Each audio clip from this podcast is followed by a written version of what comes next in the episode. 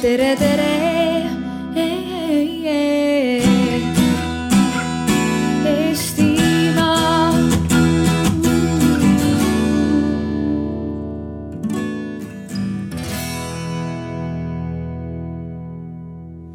Me hakkame rääkima siin kohe tänu Estonian Business School'ile sellest, miks Eesti majandusedu sõltub küberhügieenist. ja me esialgu ei räägi üldse mitte siitpoolt nende mugavate tugitoolide pealt, vaid ma ennekõike paluksin endale appi kellegi, kellel on mikrofon. ja näiteks esimese asjana annaksin mikrofoni vot sellele noormehele, kellel on need prillid seal peas ja arvuti käes. ja ma küsiks ühe küsimuse tervist, kuidas nimi on? Aron, millega sa tegeled?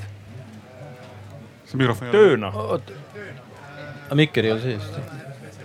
okei okay,, vale mees ehm,. aga ma küsin ikkagi, mitu erinevat äh, digiseadet sul on? kodus, käes, taskus? ma, ma arvan, et ületab julgelt kuue-seitsme piiri. kuue-seitsme piiri. kuidas sa neid kaitsed? üldiselt ma olen üsna teadlik, kuidas ja kus ma neid kasutan ja mil moel. Väga hea, aga ma igaks juhuks sinu käest ei küsi, lähme edasi. vot džentelmen sealsamas kõrval, kohe anname telefoni talle ka. kuidas nimi on, tervist? tere, Tiit on. Tiit, kui mitu erinevat digiseadet teil on kodus, taskus, käes? no ei oska öelda, väga palju ei ole, mõned. Telefon, Telefon on, arvuti on, telekas, telekas on. kas külmkapp on ka juba võrgus? ei ole? Aga kodu, kodu kütab digiseade, valvesignalisatsioon. ei no, arvuti juhib kütet muidugi, aga see ei ole võrgus jälle. et, kui arvuti juhib kütet, no protsessor, PLC arvutid, nad kõik, aga nad ei pea ju võrgus olema tingimata. aga kuidas te ennast küberohtude eest kaitsete, kui teil on seal neid, neid seadmeid päris mitu? No ega seal suurt muud ohtu ei ole, kui internet on, aga internetis ei maksa igale poole ronida. kas te Ja- kasutate näiteks kaheastmelist autentimissüsteemi? palun täpsustust, ma ei ole kodus päris nendel väga teemadel. hea. me räägime, vastame nendele küsimustele natuke, lähme veel edasi, anname vot äh, mõned on, mulle tundub siin äh, valdkonnaga seotud, anname vot sellele tütarlapsele, kellel mobiiltelefon on käes, vaatame, kuidas seda mobiiltelefoni kaitseb. tervist, teie nimi? tervist, mina olen Sandra. tere, Sandra. kuidas, kui mitu erinevat nutiseadet, mis on võrgus sul nii käes, kodus kui ka ma ei tea, kus iganes taskus, kotis on? ma arvan, et äh, kolm-neli. kuidas sa neid kaitsed küberohtude eest? väga hoolega ei kaitse, võib-olla ka valin teadlikult, et ma mingites avalikes võrkudes väga palju ei äh, viibi. Ja mul on ka Google'il on kaheastmeline autentimissüsteem. aga kuidas on kaitstud su Instagram ja Facebook? Ehm, ega nad väga ei ole, ma ise olen vähemalt üritanud lähtuda sellest põhimõttest, et äh, kõik, mis ma sinna panen, ma olen valmis, et ma jagan seda kogu maailmaga. Et kui keegi tuleb sulle kontole sisse, varastab su pildid ära näiteks sealtsamast äh, kus iganes või va- varastab su identiteedi ära, siis sa tegelikult oled selleks valmis. Eh, no identiteedivarguseks ma arvan, ei ole keegi valmis, aga ma ütlen näiteks, et eh, noh, et ma olen teadlik, et Facebook omab kõiki mu vestlusi otsast lõpuni. et neil on olemas kõik need asjad näiteks, et ma, ma olen nagu teadlik, aga ma väga palju selleks ei tee, et ennast kaitsta. väga hea. Järsku annate telefoni, telefoni, mikrofoni kohe sinna kõrvale prouale prillidega. me siin räägime digitarkusest ja küberhügieenist, kui palju erinevaid võrgus olevaid seadmeid teil on? Telefon, külmkapp, telekas, arvuti, palju. kui palju? mitmeid. siin oli rekord oli seitse, panete üle? pane, aga umbes sinnakanti on jah. üks, kaks, kolm, neli, viis, kuus. kas te teete midagi eriliselt selleks, et neid kaitsta võimalike küberruumis valitsevate ohtude eest? no kahjuks mitte, ma kasutan näiteks no mis on Facebooki puhul, et äh, ma kasutan neid nii-öelda pakutud äh, maksimaalseid äh, turva siis paroole ja selliseid asju, et ähm, aga midagi ekstra ma ei tee ja olen mõelnud, et tegelikult ma olen üsna haavatav aga kuidas, te tunnetate seda, et te haavatavad olete, miks? miks te nii arvate? no ma arvangi, et tänu sellele, et need andmed ikkagi ringlevad kusagil ringi, ma saan aru, et keegi võib neid kasutada mingil hetkel.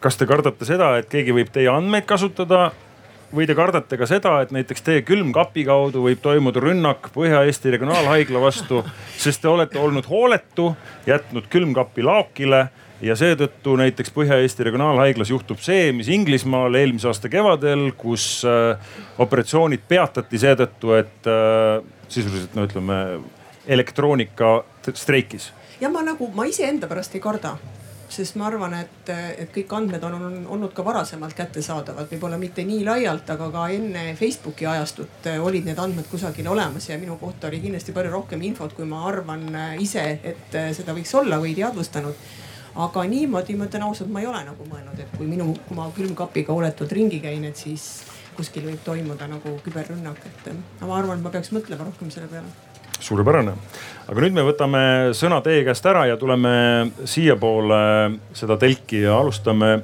sealtpoolt otsast. mul on palve, et iga osaleja võiks vastata täpselt samale küsimusele, aga ennem ütleb oma nime, millega ta tegeleb, mitu seadet on ja kuidas ta ennast küberohtudest kaitseb. Lauri, sõna sulle.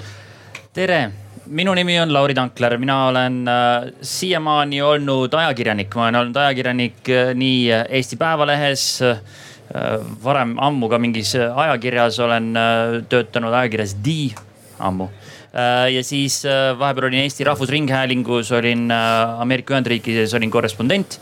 Ja nüüd siis olen, ähm, võtsin vastu sellise võimaluse, kus mind kutsuti Riigi Infosüsteemi Ametisse ähm, ka tööle küberturvalisuse peale Äh, kus minu ülesandeks hakkab olema just nimelt äh, sellise nii-öelda laiema avalikkuse puhul vaatamine, mõõtmine, et, et äh, millised on need suured äh, trendid, et, et mida inimesed oskavad, ei oska, teavad, ei tea, peaksid teadma, ei peaks teadma ja et, et kas on meil vaja neid kuidagi nii-öelda edaspidi tekitada mingisuguseid selliseid äh, kampaaniaid nagu võib-olla ähm, politsei teeb, et kasutage turvavööd et, et äkki me peaksime tegema umbes mingeid sarnaseid asju, veel ei tea.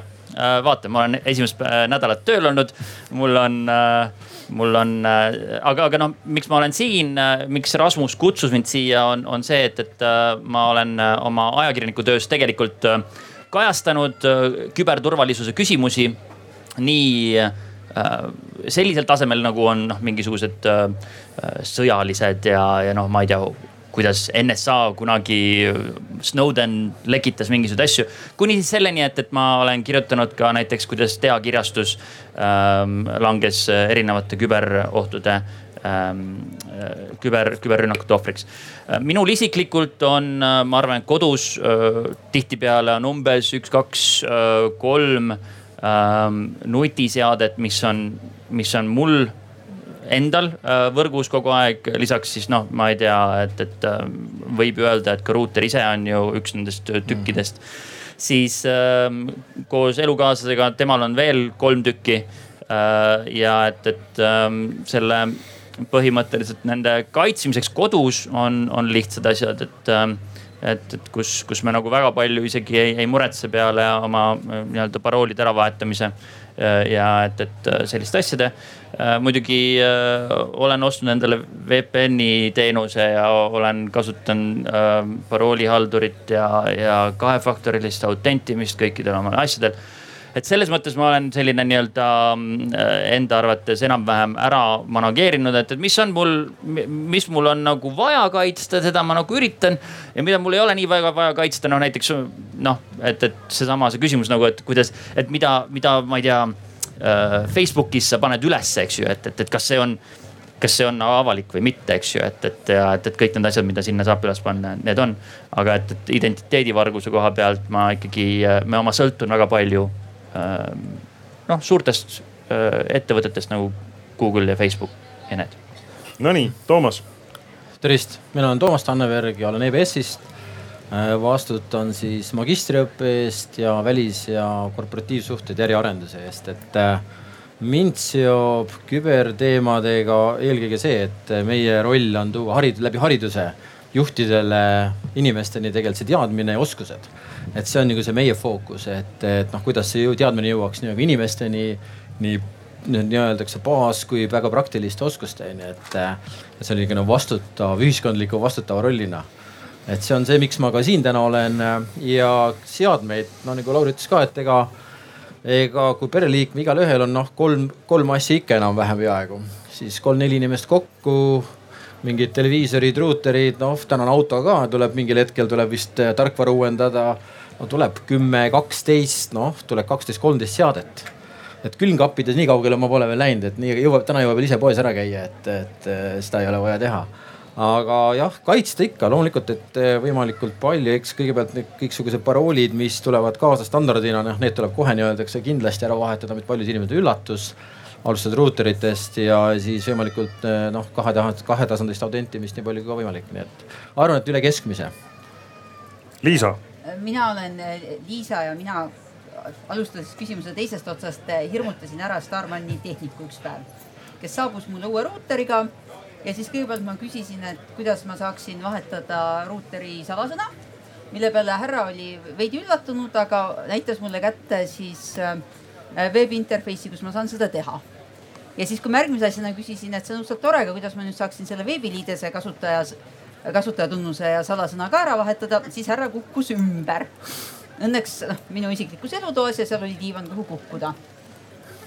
et äh, ma arvan, et mul on elukondlikul kasutusel alla kümne seadme. lisaks kõigele sellele, mida juba on mainitud, et äh, tõesti kahefaktoriline autentimine, see, kus on standardsalasõnad ja kasutajanimed, need esimese asjana ära vahetada olen ma näiteks elukondlikult teinud selle valiku, et mul, mul ei ole mitte ühtne targa kodu lahendus vaid mu ventilatsioon ja valvesüsteem on üksteisest iseseisvad ja valgus käib lülitist. sest et äh, ja elektripirn ei kasuta wifi't. sest et mul ei, ei ole vaja seda lampi mitte kunagi eemalt läbi telefoni, kus tekib nii palju ründevõimalusi juurde äh, sisse lülitada. aga vastates küsimuse esimesele otsale Äh, mina olen äh, Liisa Post, ma olen Riigi Infosüsteemi Ameti küberturvalisuse teenistuse juhtivanalüütik ja alati umbes selles kohas ütlen ma, aga ma ei ole tehnik. ehk siis ma mitte ei istu käsits, käed küünarnukini tehnilistes süsteemides, vaid tegelen sellega, kus tehnoloogia kohtub ühiskonna või majandusega. mis on mõjud, mis on mingid poliitilised vajadused ja kuidas neid keerulisi ja suuri juhtumeid, mis Eestis on, mida need tähendavad meie riigikorralduse jaoks ja mida samamoodi on me Eesti riigil ja ühiskonnal toimimiseks vaja äh, siis tehnoloogiast. Äh, võib-olla viimase kuue või kaheksa kuu kindlasti mu suurimad tööd on olnud äh, valimiste turvamise valdkonnas ehk kuidas tuua uuenduslikke lahendusi digitaalseid lahendusi valimistesse Eestis ja kaugemal, nii et need oleks äh, turvalised. ja siis äh, võib-olla olete kuulnud, eelmisel aastal oli üks ID-kaardiga seotud äh, rünnatavus või oht, millega mina ja paljud me, minu kolleegid, tol hetkel Klaid selle hulgas, olime veidi hõivatud enne kui ma Klaidile, kellest siin juttu oli, sõna annan, palun kõik andke käega märku, kellel on kodus ruuter. ühesõnaga kõigil on. nüüd tõstke käed, kes on ära muutnud ruuteri salasõna. Assamaid, tegelikult ikka päris kena. kena, päris kena, järelikult on ikkagi mingisugune muutus toimunud. nüüd on sõna sul, Klaid. aitäh. minu nimi on siis Klaid Mägi mina siis äh, varasemalt ka Riigi Infosüsteemi Ametis töötanud, äh, täna erasektoris äh, ettevõttes nimega Cybex Technologies ja küberohtude valdkonna juht. ja nagu ameti nimigi ütleb, ma võiksin olla nagu oluliselt üle keskmise kursis erinevate küberohtudega ja osata ka tänu sellele ennast, ennast kaitsta. nüüd tulles selle küsimuse sissejuhatava küsimuse teise poole peale, et palju on seadmeid ja kuidas sa ennast kaitsed, siis selle koha pealt läheb olukord tegelikult natuke keeruliseks mina olen püüdnud oma neid seadmeid kodus kokku lugeda ja olen saanud sinna kuskile kahekümne seadme kanti. ja korraks see tundub, et, et see on see friik tüüp, et raudselt olen sada asja kodus netti ühendatud ja tegeleb mingite lollustega, aga ei ole.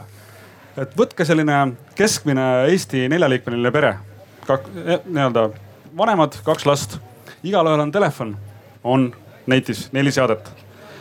Äh, kaks televiisorit on kodus, näiteks kaks seadet tuleb otsa televiisoritel on digiboksid. Pilt tuleb sealt, kaks seadet otsa. kaheksa. neli, kaks, kaks, kaheksa, siis on sul seesama ruuter seal otsas. lastel on mõni Xbox või Playstation. Need on kõik tänapäeval netis.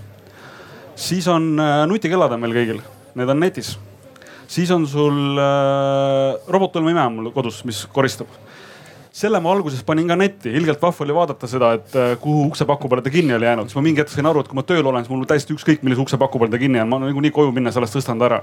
siis on sul robot muruniiduk, mis sul muru niidab, mis tahab ka õudselt teada anda siis, kui ta tikripõõsa alla kinni jäi. ja nii edasi ja nii edasi, et selliste pisikeste hästi lihtsate asjadega, täiesti tavalised asjad, mis on inimestel kodus, mitte ühtegi erikeerulist case'i, külmkappi ka veel ei ole internetti pandud. Äh, küttesüsteem mööndustega on. ehk siis täiesti lihtsad tavalised asjad, mitte ühtegi erilist asja, rööstrit ei ole, külmkappi ei ole.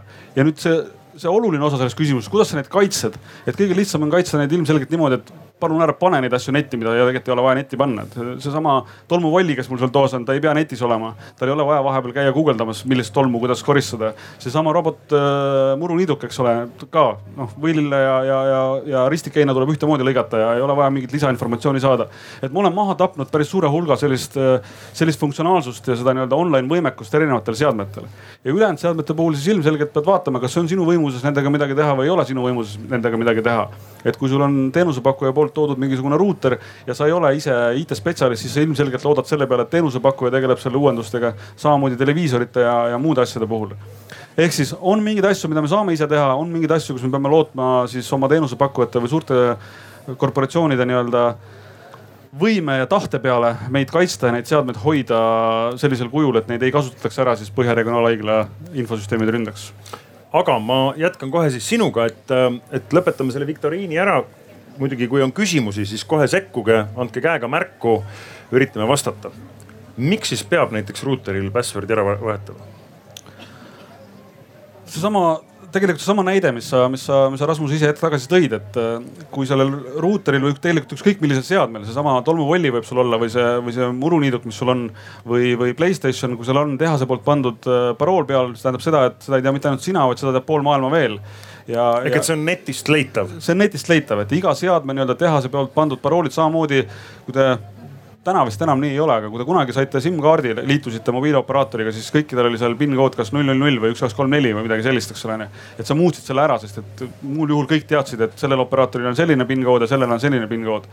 ja, ja kui, kui see nii-öelda autentimislahendus on sinu kontrolli all, siis ei ole seda või ütleme, et on oluliselt väiksem võimalus, et keegi teine paneb selle seadme tegema midagi, mis, mis ei ole sinu nii-öelda siis soovide ja, ja teadmiste kohaselt nii-öelda kooskõlas ja niimoodi sa kaitsedki esma, esmapilgul ennast ära ja mitte ainult siis see wifi parool, millega sa ühendud wifi'sse, vaid ka selle seadme haldamise parool.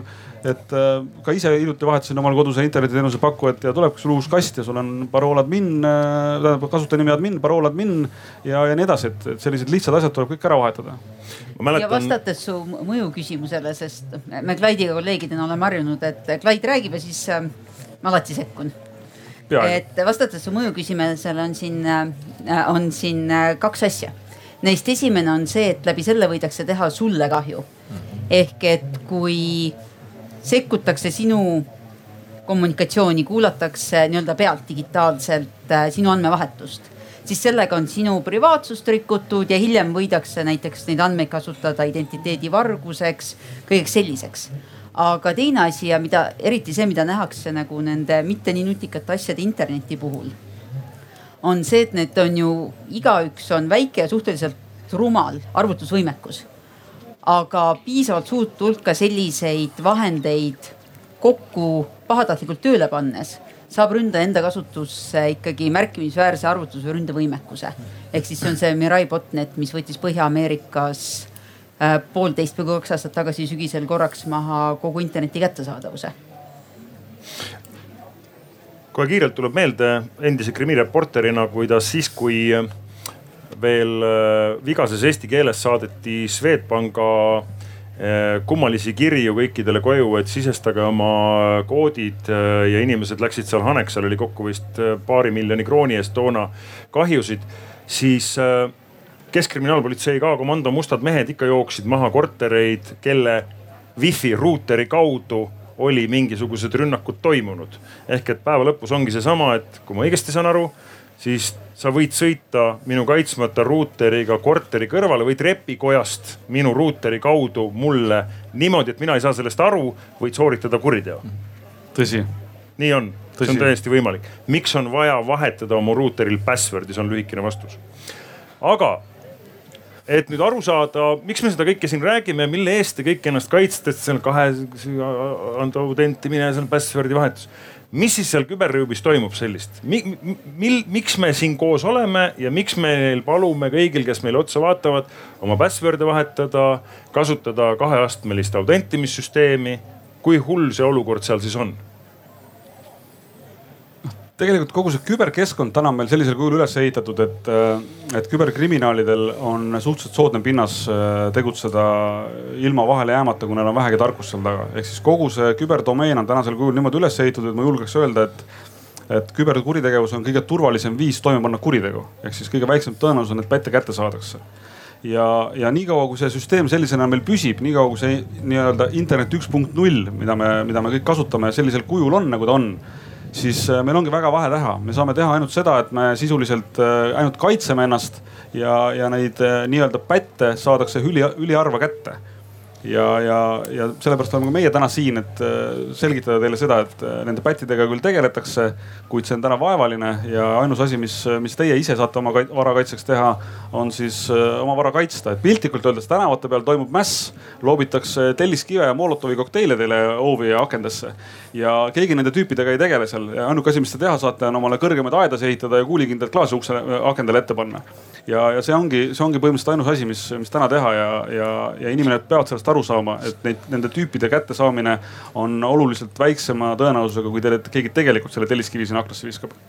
ma vahelduseks enne kui äh, Liisa ja Toomas ja Lauri saavad sõna võtan kokku ühe eelmise aasta suvel välja käidud äh, sellise statistika. ma saan aru, et kõik ütlevad, et statistika on äh, küberruumis mõttetu üldse pidada, sest ei ole sellist kokkulepitud algoritmi või mingisugust valemit, kuidas arvutada, et mis see siis päris tõene statistika on, aga üks järjekordne mõttekoda on siis välja käinud sellise statistika, et ühe minuti jooksul, ühe minuti jooksul, mis on siis kuuskümmend sekundit, langeb maailmas küberrünnaku ohvriks tuhat ükssada inimest ühe minuti jooksul.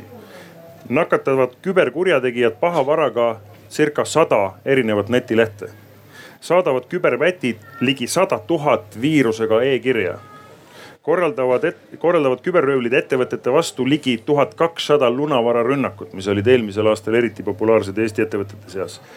Ja ühe minuti jooksul teenivad küberkurjategijad maailmas ligi kaheksasada tuhat eurot. keegi tahab täiendada? no kahtlemata on selles suhtes, et natuke on see mõõtmise küsimus mm. -hmm. et kui me vaatame Eestis vastavaid numbreid ja vaat see, mida me teame suhteliselt hästi, see osa, millest Clyde veel hiljuti vastutas Eesti riigis, ehk siis intsidentide haldamine ja riigivõrgu turve. Seal, seal oli umbes üksteist tuhat juhtumit, millest pealt saja oli, olid tõsised intsidendid eelmisel aastal. meil on mitte Eestis märkimisväärselt suuremaid riike, kes väidavad, et neil on miljoneid intsidente aastas. see ei ole küsimus selles, et nende juures toimub mingi erakordne andmine, vaid küsimus on selles, et need äh, definitsioonid või see, mis pannakse kirja juhtumina on, on veidi erinevad. aga siinkohal ma võib-olla veidi võtaksin seda hirmu maha. Lõpuks digitaalne ruum on ruum nagu iga teine.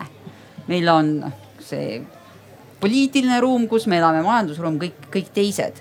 ja jah, digitaalne võrreldes siis äh, analoogmaailmaga, paberi ja pliiatsi maailmaga kannab endas, maailmaga, mida sa saad käega katsuda kannab endas teisi riske, aga see riskitase fundamentaalselt ei ole kõrgem, eriti kui turve on normaalselt tehtud ja mõistlikult tehtud, et loomulikult, kui me ehitame maja ja paneme kogu raha ilusasse mööblisse, heasse uksesse ja sinna lukku sisse ei pane, siis on nagu suhteliselt loll maja ehitamine. ja samamoodi, kui keegi ehitab digitaalse lahenduse, ilma et ta mõtleks testimise peale, auditi peale, turbe peale siis on lihtsalt loll klient. kasvõi kui me võrdleme riike, Eesti on aastast kaks tuhat viis digitaalselt valinud ja selle aja jooksul ei ole olnud ühtegi intsidenti, mis mõjutaks valimiste fundamentaalset toimimist äh, või hääletustulemust. Hollandil oli ükskord lahendus, mida nad nimetasid äh, digitaalseks tarkvaraks. täpselt nii nimetasidki, mille nad võtsid kasutusele ilma igasuguse testimiseta ja siis paar korda kasutasid ja siis hakkasid testima, said aru, et seal on, see on avatud kogu maailmale, see on ründevektor ja see ongi lihtsalt väga rumalasti tehtud. ja jah, täna, kuivõrd need riskid on erinevad, siis äh, meile turvalisust pakkuvatel asutustel, eriti kriminaalpoolel on äh, väiksem võimekus küberkuritegevusega tegeleda kui tavalise sissemurdmisega, aga see on aja küsimus, et ka kriminalistika järele jõuaks. aga fundamentaalselt on küsimus selles, et tarbijana sul on vastutus, et noh, kui sa ei jäta koduust lahti, siis miks sa jätad ruuteri password'i samaks?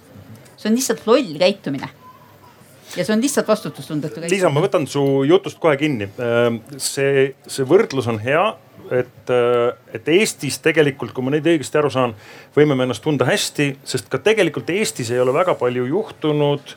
sest selle, täiendage mu, kui ma eksin, aga mu filosoofia on umbes selline kui eelmisel aastal oli see Petja ja non-Petja viirus, mis mööda maailma ringi käis ja mis jättis ära Inglismaal kakskümmend tuhat. WannaCry. WannaCry äh,, erinevad, no ütleme nad olid suhteliselt sarnase vahega siiski. Äh, mõte on selles, ükski neist, mis maailma laastas ja tekitas miljardite eest kahjumit ettevõtlusele, tegelikult Eestit väga ei puudutanud. Oli vaid üks, kaks teada juhtumit, mille tulemusena, ütleme siis laiemale üldsusele teada juhtumit, mille tulemusena ehituse abc poed olid nädal aega kinni sellepärast, et ehituse abc kuulub äh, Saint-Gobaini rahvusvahelisse kontserni, mille parandage, kui ma eksin, äh, Prantsusmaal asuv raamatupidaja hakkas äh, uuendama raamatupidamisprogrammi, mis tolleks hetkeks oli nakatunud. ehk et see, mis toimus tuhandeid kilomeetreid Eestist kaugemal, avaldas mõju nii, et ühe rahvusvahelise kaupluseketi kauplused olid kõik nädal aega kinni, ehk et meie ei saanud nendesse poodidesse minna. aga miks Eestis need kaks konkreetset maailma eelmisel aastal laastanud viirust siis väga äh, pahandust ei külvanud? No me oleme oletanud, meil sajaprotsendilist sellist selget vastust ei ole, et me oleme oletanud, et meie, meie teavitustöö siin Eesti riigi poolt oli niivõrd hea ja meie inimeste nii-öelda selline selline teadmuste tase on, on piisavalt kõrgel, et need uuendused äh, nendele haavatavustele, mida siis need viirused kasutasid äh, või need ründevektorid, mida nendes ründevektorites kasutati, et need sai ära likvideeritud. ja see on üks, üks selgetest põhjustest kuid, äh, kuid seal on kindlasti veel mingisuguseid nüansse, et äh, mis see võis olla, mis, mis ei võinud olla. aga me täna tõesti oleme seda meelt, et kui me tahame ennast kiita, siis me ütleme, et me tegime head teavitustööd ühest küljest riigi poolt ja teisest küljest kõik spetsialistid olid tublid, likvideerisid need haavatavused ja tänu sellele siis oli oht äh, ja, ja nii-öelda kahju peaaegu et olematu. kui me räägime ettevõtluse, ütleme küber ohtude mõjust ettevõtlusele, siis needsamad eelmise aasta lunavararünnakud ju ainuüksi ühele laevanduskontsernile tuntud ettevõttele nimega Maersk põhjustasid kolmesaja mil, miljoni dollari suuruse kahju mm. -hmm tead sa veel, Toomas, sarnaseid äh, juhtumeid no,, äh, kuidas ma... küberohud on äh, põhimõtteliselt ettevõtteid põlvili niitnud? noh, ega ma arvan, et, et noh, see, miks me siin täna räägime, on eks eelkõige selles mõttes just seda nagu teadlikkust nagu inimestes tõsta, sest et noh, ma olen öelnud, et noh, me isiklikult, me saame rünnatud kodus või kuskil, kus me kaitseme, aga noh te,, teine asi on see, et me viime selle ju tööle, no me sama arvutiga lähme nagu töö juurde. ehk me tegelikult on oht, kus me võime tegelikult ise tuua kaasa need ohud, ütleme ettevõtetele aga ma arvan, et ega paljud ettevõtted täna ei räägi sellest, et, et noh, kui palju neilt on eh, raha, lunavara nõutud ja nii edasi veel nakatunud, sest ega noh ega ettevõtted noh, ei ole ka nagu valmis ka öelnud, et kuulge, et noh, mu süsteemid ei tööta ja on nõrgad ja nii edasi, et noh, see, kui me vaatame seda numbrit, eh, palju maailmas eh, noh, küberkuritegevusega nii-öelda, eks täna teenitakse, siin summad käisid läbi, et noh, me räägime kuuesajast miljardist dollarist aastas praktiliselt noh, mis, mis on suuruselt kolmas nii-öelda kuritegelik sektor noh McAfee raporti järgi on ju, mis on esimene on valitsuse korruptsioon maailmas, mis on teine, on, narko, narko, narkomaan, no see. narkokuritegevus. narkokuritegevus ja kolmas on nagu küber, mis on tõusnud, no kujutage ette. ehk noh, miks see kasvab, järelikult on võimalus olemas. noh, me liigume analoogsest digitaalsesse ja me ei ole valmis võib-olla oma nii-öelda, noh minema kaasa nende uuendustega. ja, ja tunnetame, et vaata ettevõtluse puhul on ka see, et, et et eh, kui me arendame, siis me mõtleme ka, et kuidas me neid uusi arendusi kaitseme. noh ja see teadlikkus, ma usun, on veel ikkagi natuke madal. eriti väike keskmised ettevõtted, mis on ikkagi kaheksakümmend, üheksakümmend protsenti majandusest siis seal on see teadlikkus madal, usun mina ja noh, eks need ohud, ma usun, et me ei tea täna kõike seda, see on veepealne osa ainult. Lauri, see, mida Toomas mainis, et ettevõtted tegelikult ei räägi sellest, äh, kuidas neid tegelikult rünnatakse, millest tingituna me ka päris täpselt ei tea, mis küberruumis toimub.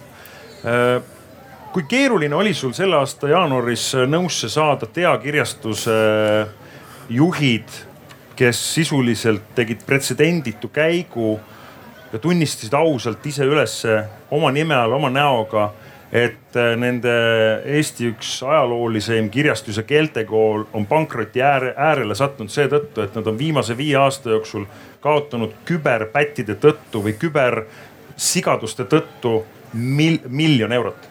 üks pisikene Tea kirjastus, keeltekool, miljon eurot on sama palju kui nende aastane käive.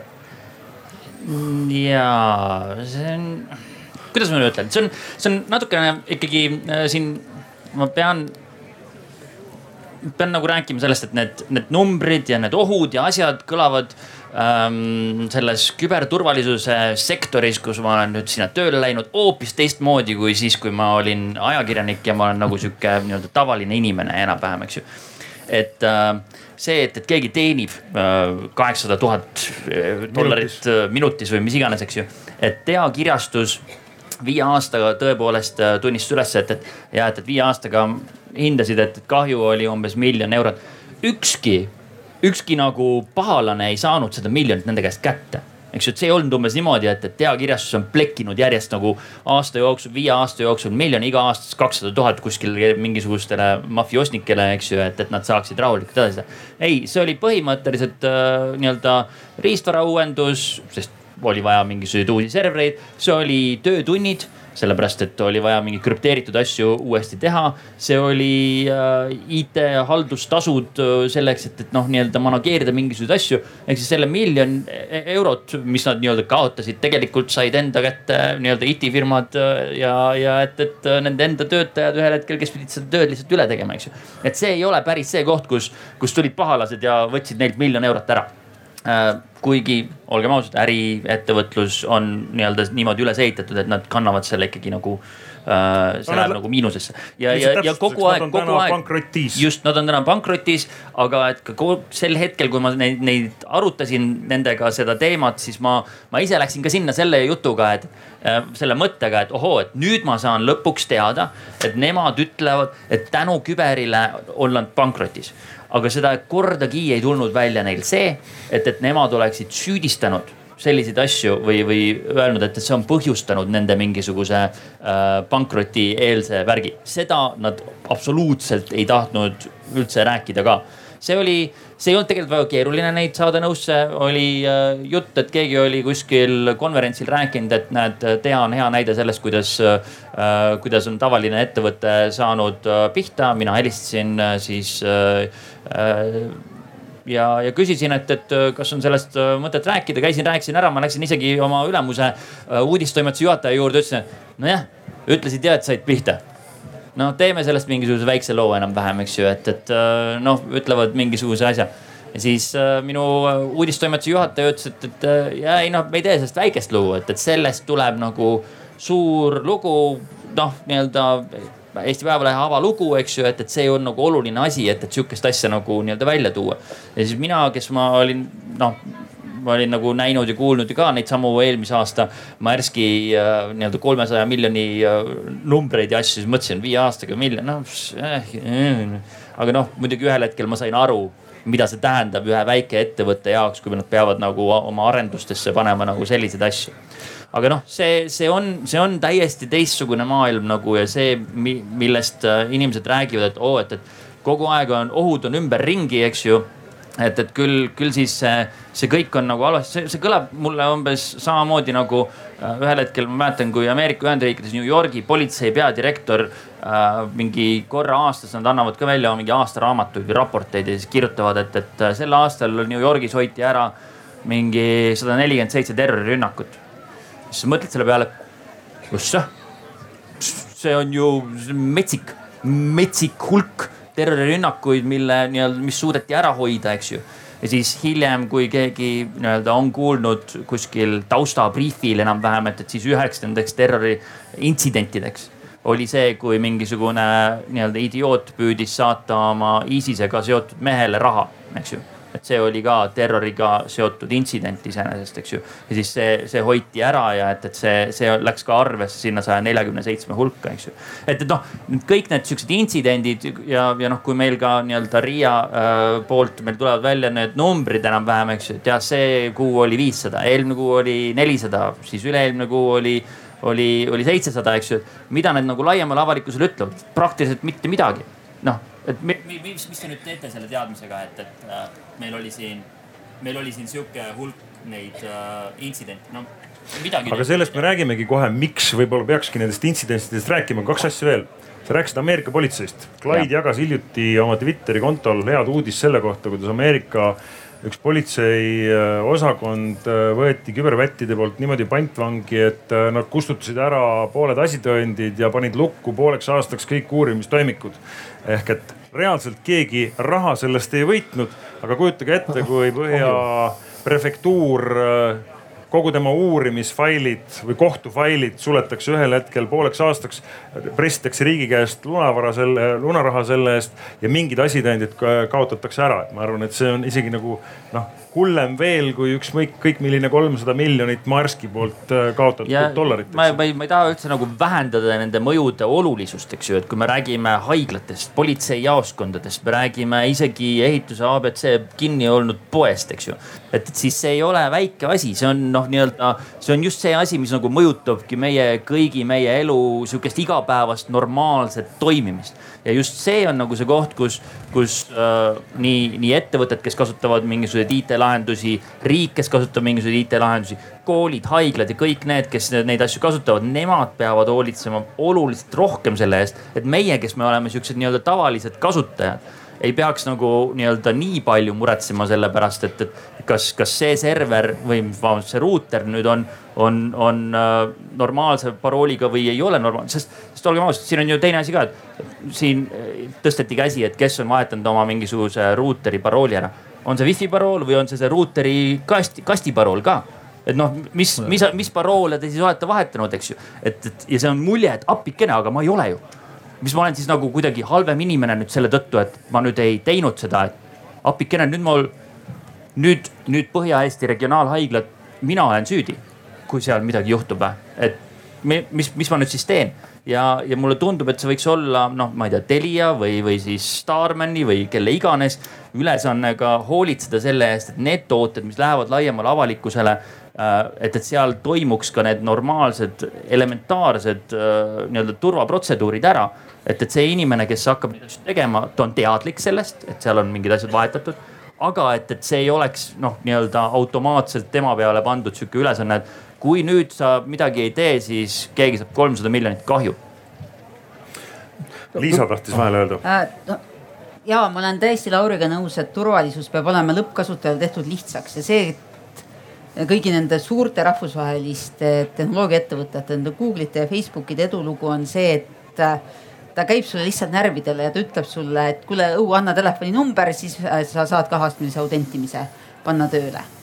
Aga seda enam on see organisatsiooni juhtidele ja neile, kes teevad juhtimisotsuseid meeldetuletus, et esiteks on turvalisus nende vastutus ja teiseks investeering küberturvalisusesse.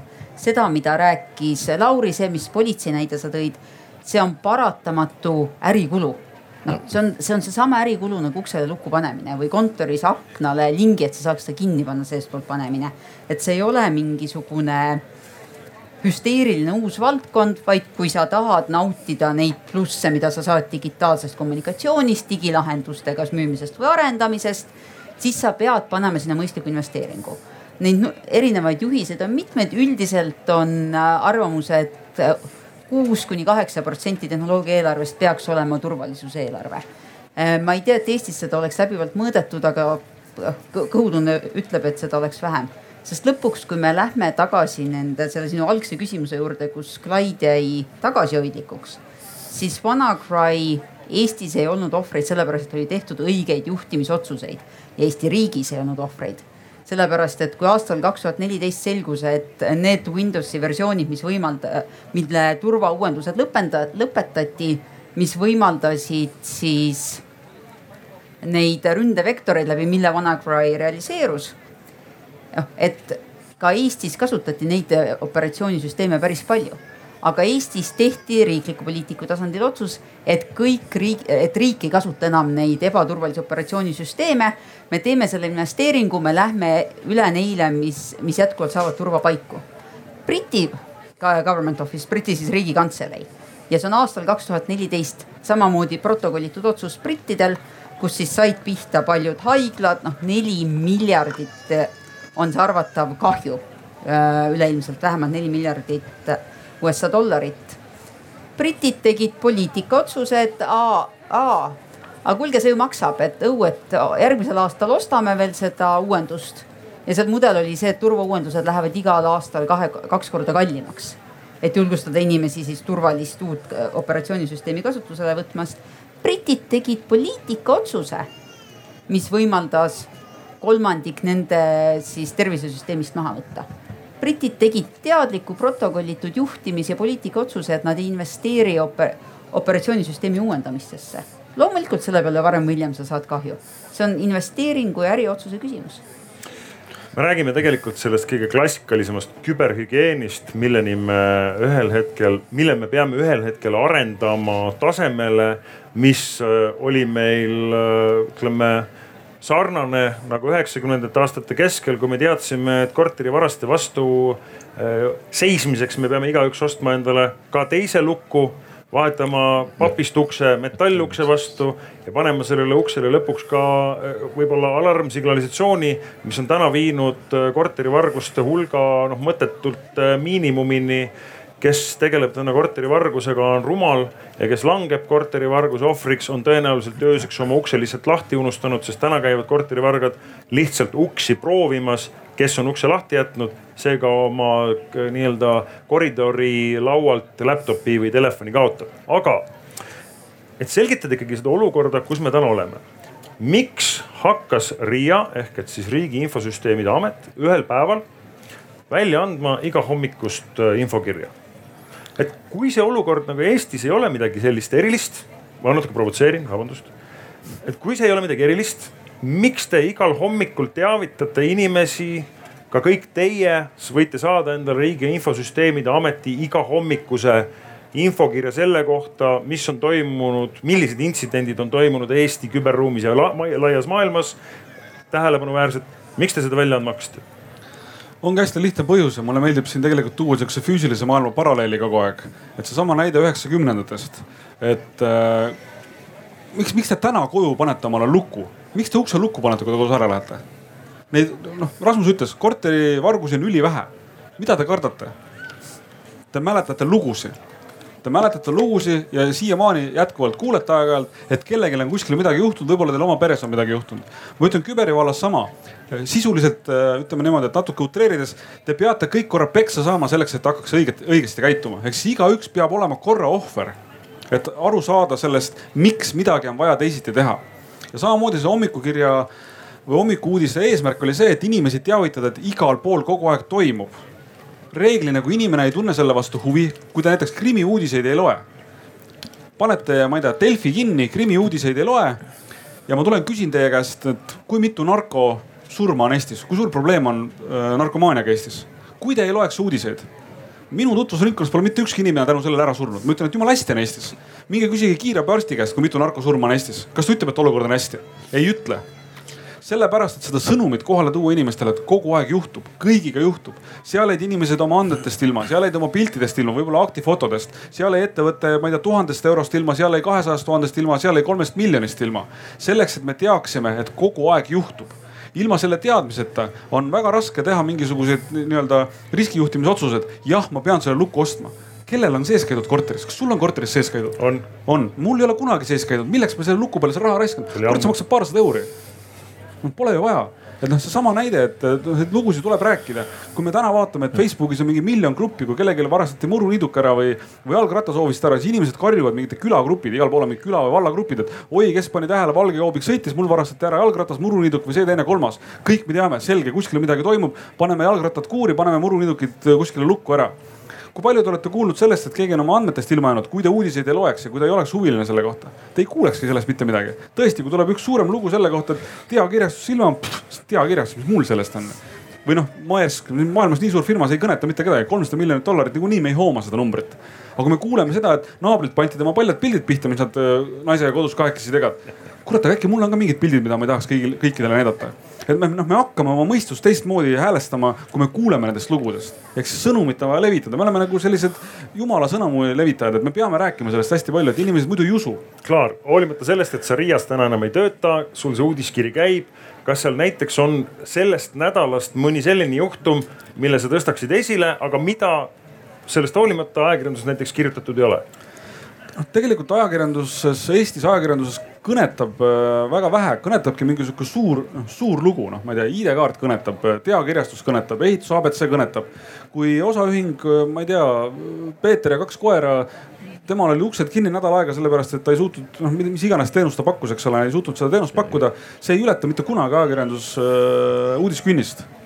noh, mis siis, et tal see uksed kinni oli, mis siis, et ta ei suutnud oma raamatupidamist teha? no ajakirjanikuna ma peaks ütlema, et, et need mõjutavad, äh, need ületavad uudiskünnist ainult juhul, kui selle mõju ulatub noh, nii-öelda päriselt inimeste jaoks oluliste kahjudeni. noh, kui keegi saab surma, keegi jääb äh, te, ter, tervisekeskuses, perearstikeskuses jääb, äh, jääb abita selle tõttu, et, et ma ei tea, uksed olid kinni ja keegi ei saanud nagu tööd teha. kui no isegi see ehituse abc on natuke naljakas, seepärast et, et võib-olla ta võib-olla ta peaks olema nagu noh, nii-öelda suurem lugu, aga noh, kõrval on Bauhof, eks ju, et no see, sa lähed sinna enam-vähem.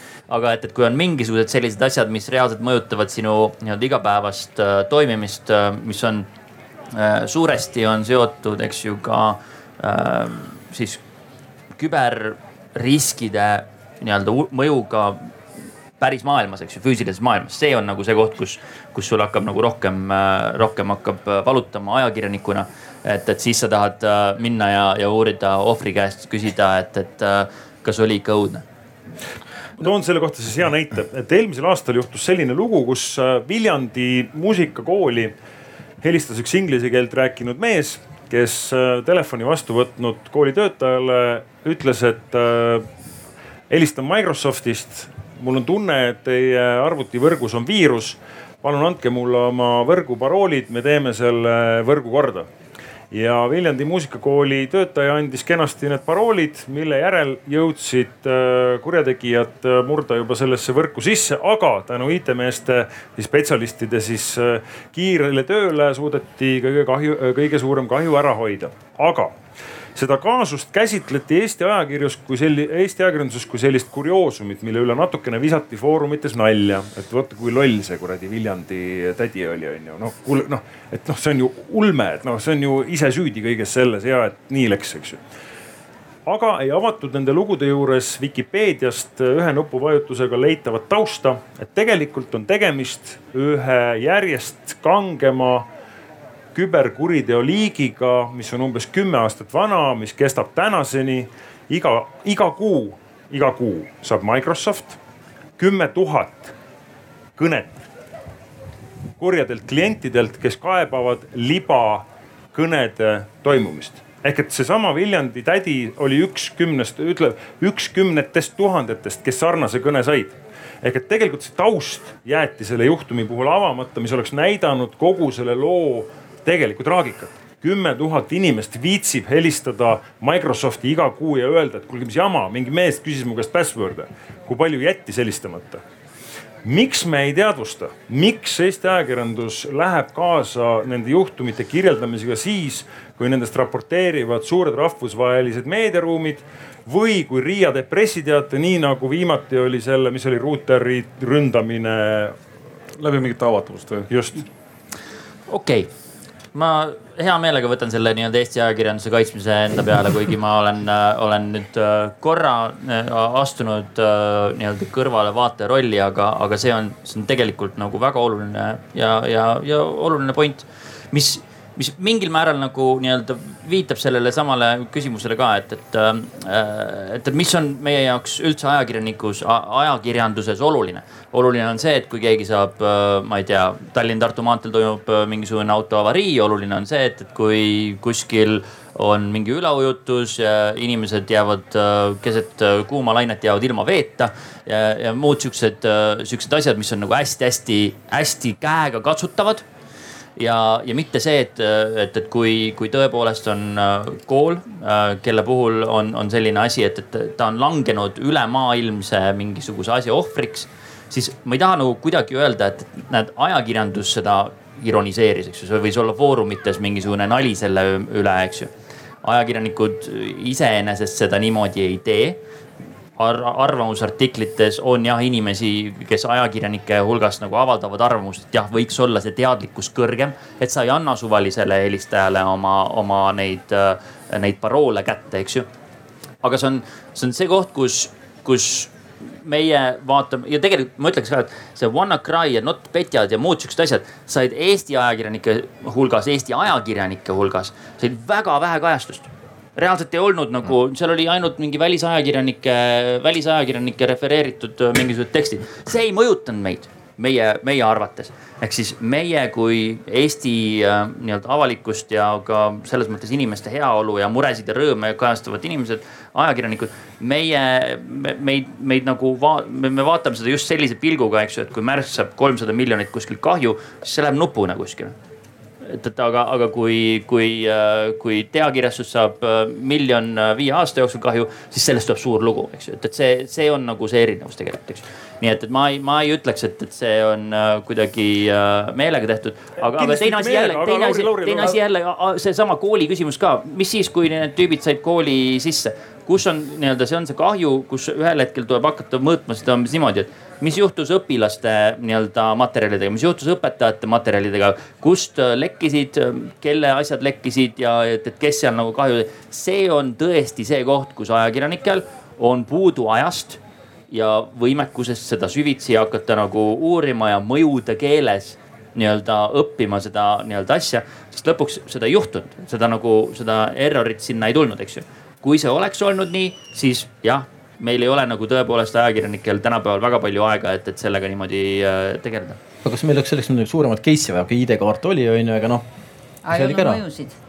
mõjusid ei olnud ja mõjusid ei olnud, ütleme, et küsimus on võib-olla laiem ühiskondlik mõju, et ütleme, et operatsioonid seisavad, võib-olla hakkab siis nii-öelda tekkima. ehk et nagu ütles Clyde või natuke teda, tema tsitaati siis nagu muutes, et välk peab igasse peldikusse lööma, et me päriselt nagu aru saaksime kus me toimetame, sest näiteks üks äh, hea näide, ma rääkisin äh, paar päeva tagasi ühe rahvusvahelise Eesti ettevõttega, järjest kasvava, areneva rahvusvahelise ettevõtte omanikuga.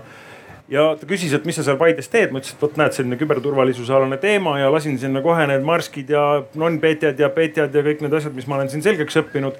mille peale ta küsis, et kas ma peaksin ka mõtlema, et mul on seal ka hiinlaste ja ameeriklastega midagi ühises serveris ja ma arvan, et, äh, et äh, see on iseenesestmõistetav, et jah, ta peaks mõtlema, et ma arvan, et äh, kui ta aastal kaks tuhat kaheksateist pärast seda kõike ütleb, et tal on üks IT-mees, kes selle kõige eest vastutab ja päris täpselt ta ei tea, mida ta seal teeb, siis see on juba reaalne füüsiline oht. Clyde, oled sa minuga nõus? absoluutselt. aga, aga sõnastaks kogu selle, selle hüpoteesi natuke teistpidi üles, et et aga niikaua, kui ta pole midagi väga kaotanud ja ta ei ole nagu valusalt äh, pihta saanud ja rahast ilma jäänud, et, et milleks üldse muretseda sellega? riik täna seda ei reguleeri, et mul koduuks peab lukus olema, riik ei reguleeri selleks, mul üldse aknad peavad ees olema. et, äh, et miks, miks me, miks me peame seda muretsema, et iga inimese iseasi, et lasekski sellel minna niimoodi, et, et see, kes saab pihta, naerame ja ütleme, et ise olid rumal ja, ja lähme eluga edasi. miks mitte? Mis me sellega ära hoiame majanduslikus mõttes, mida me, mida see inimeste teadlikkuse tõstmine veel nii palju kaasa aitab, et riik peab sinna panustama mingi pool korrust kuskil majas teeb tööd selle nimel. eraettevõtted teevad tooteid, okei okay,, eraettevõtted teenivad raha sealt, aga miks riik selle pärast muretsema peab? ja siin ma tahaks veel nagu Klaidile keerata veel, kui juba vindi keeramiseks läks ja miks me välja arvatud see, noh kui me eeldame, et inimesed kasutades tualettruumi pesevad käsi. see hügieen on see, et ta peseb käsi. Aga me ei käi ringi ja ei aruta selle üle, et noh, välja arvatud siis, kui juhtub, on ju see mõne restoraniketiga, nii me ei aruta selle üle, kas kasutaja teab, kuidas salmonelloos ja mingid need teised pahalased levivad. me nagu, me ei eelda, et inimene, iga inimene, kes on kvalifitseeritud sööma, saab aru täpselt salmonelloosi leviku põhimõtetest, vaid me ainult eeldame, et ta peseb käsi. ja et samamoodi nagu miks me, see, et me käime ringi arvama, et lõppkasutaja peaks teadma, kuidas nagu see kõik töötab. see on ju, see on latt, mille alt me jookseme igal juhul läbi. Me kohe sellest lati alusest räägime, aga ma korra peatuksin sellel küsimusel, mida Clyde ütles, et miks me sellest kõigest räägime ja võib-olla me peaksime üldse praegu püsti tõusma ja minema kuulama välispoliitika arutelusid, eks ju. Kuigi siinsamas kõrval koosloomealal just tegelikult mõni aeg tagasi öeldi, et kui me räägime Eestist aastal kaks tuhat kolmkümmend viis, mis on need põhiohud, siis sealsamas telgis öeldi, et me peame valmistuma järjest kangemateks küberohtudeks sest ühe koma kahe miljoni küberrünnaku asemel päevas hakkab äh, juba ülehomme toimuma kaks koma kaks, sellepärast et erinevatel hinnangutel on äh, küberseadmeid võrgus juba umbes aastal kaks tuhat kakskümmend. palju sa ütlesid, Liisa? no oleneb, keda sa usud, äh, kakskümmend miljardit kuni viiskümmend miljardit. viiskümmend miljardit asja, alustades nendest kaisukarudest, mis on täna juba wifi's, eks ju, lõpetades nende telekate ja mobiilidega, aga kuhu me siis tüürime? tüürime ju tegelikult sellesama majanduseduni, mis on ka siin digialal Estonian Business School'i poolt kokku kutsutud debati põhiteema. nimelt, mis te arvate, kui mitmendal kohal on Eesti ettevõtlus Euroopas oma digitaliseerituse tasemel? Eesti eesrindlik IT-riik, kui mitmendal kohal ta on Euroopa Liidus? kakskümmend kuus. kakskümmend kuus? kakskümmend kuus on jah? kakskümmend kuus.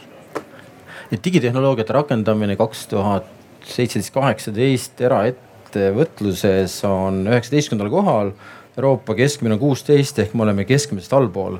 ehk ma olen nagu öelnud mitu korda, et. see mu info oli vananenud, üheksateist. no, no üheksateist kujuta ette on ju. no see väga palju parem ei ole ausalt öeldes. ei, ei see ei päästa allapoole Euroopa keskmist, et, et tegelikult me oleme selline nagu münt, kus üks pool on ilus läigib, kus riik on tegelikult tohutut tööd on ju, ütleme, et räägime avalikust teenustest, kogu see pool siis teine pool on erasektor, kus tegelikult eh, noh, ei käi seda sammu nii palju kaasas ja tegelikult enam jutt on ju, me räägime küberrünnakutest, me räägime lunavarast, nendest, nendest, nendest eh, lunavara nõuetest on ju, aga mis Lauri tõi välja seal diakirjaste puhul, Liisa tõi välja ehk eh, eks seesama investeerimised, et ega noh, küsimus ongi jällegi, et noh, kui me tahame midagi kaitsta, et me peame täpselt samuti vaatama seda, kui ühte võimalikku, ühte vajalikku tegevust.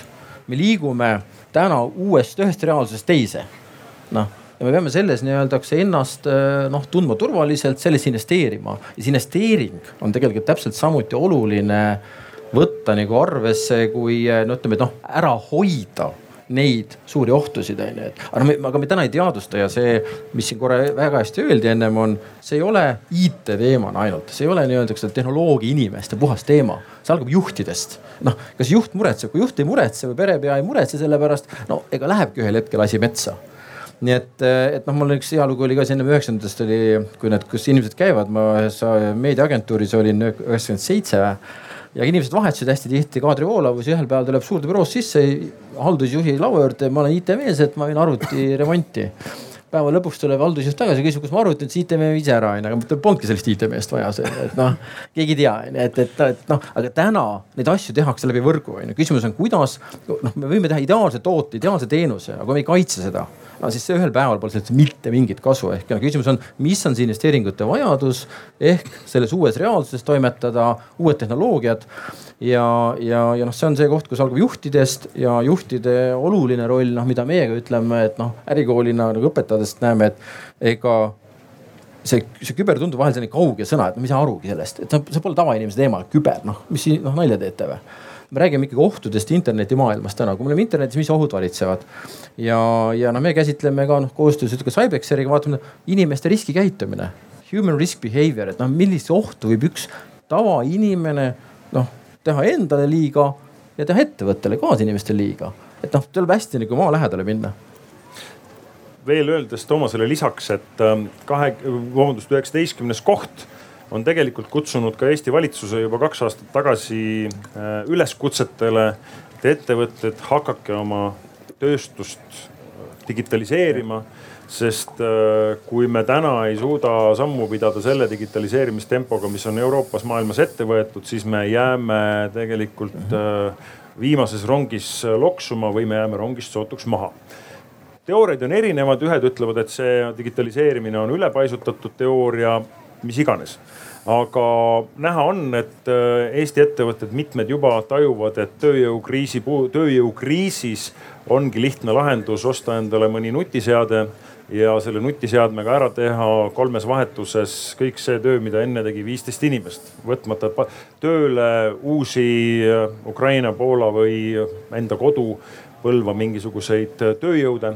Äh, tark masin ühest otsast sisse, teisest välja, saab kõigega hakkama. aga mis on ju kõige selle asja juures oluline, on see, et lõppkokkuvõttes seda masinat juhib ikkagi inimene.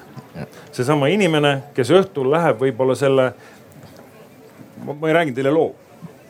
ma töötasin äh, riigikantseleis, äh, olin äh, peaministri nõunik.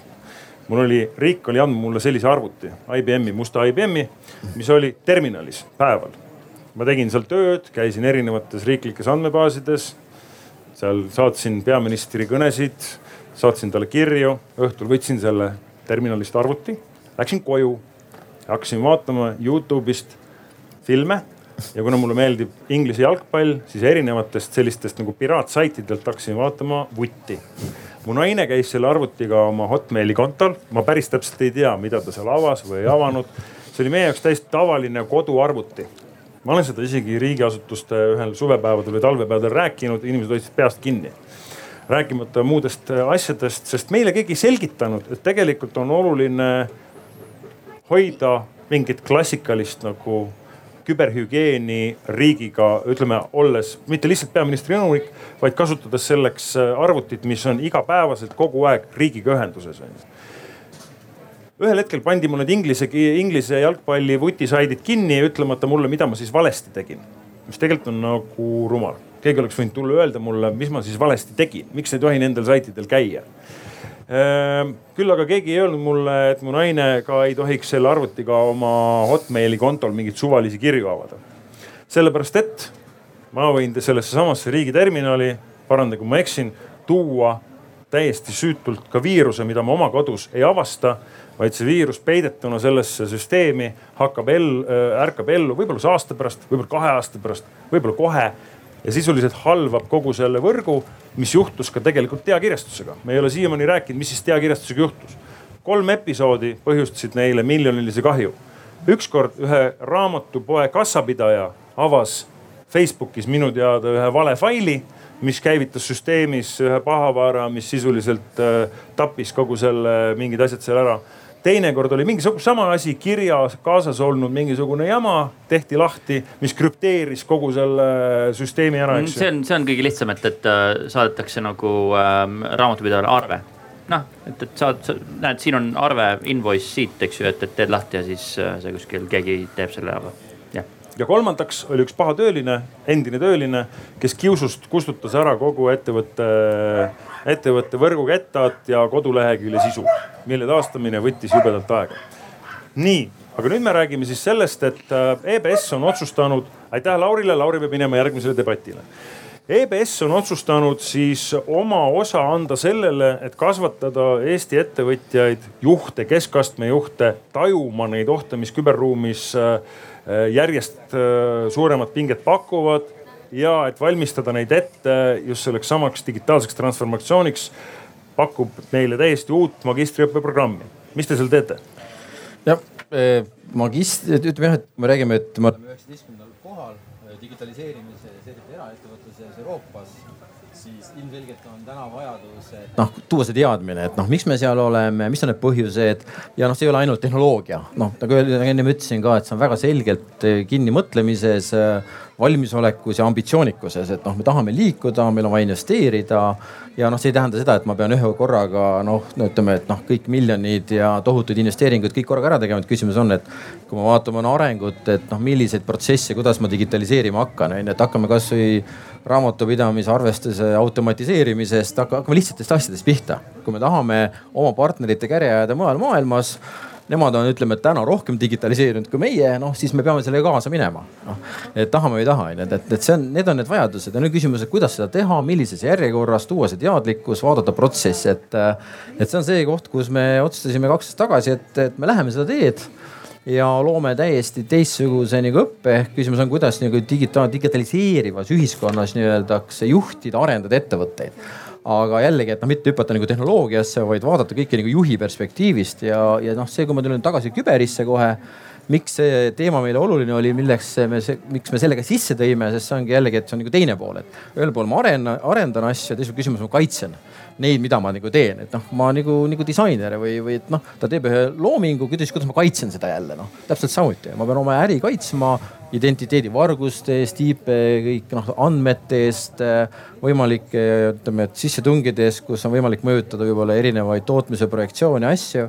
et noh, me peame sellest nagu aru saama ja, ja ega noh, kui me oleme ärikool, et kui EBS on ärikool, ega siis me ei tähenda, et me oleme nagu tohutud kübermaailma spetsialistid, sa, sa, sa saad teha alati seda koos eh, parimatega nagu Eestist või mujalt maailmast, et noh, siin tuligi nagu mängu, ütleme, kuidas nagu partnerlus, ütleme, et äh, ülikool täna peab näitama mitte seda, et mis, mis juhtus.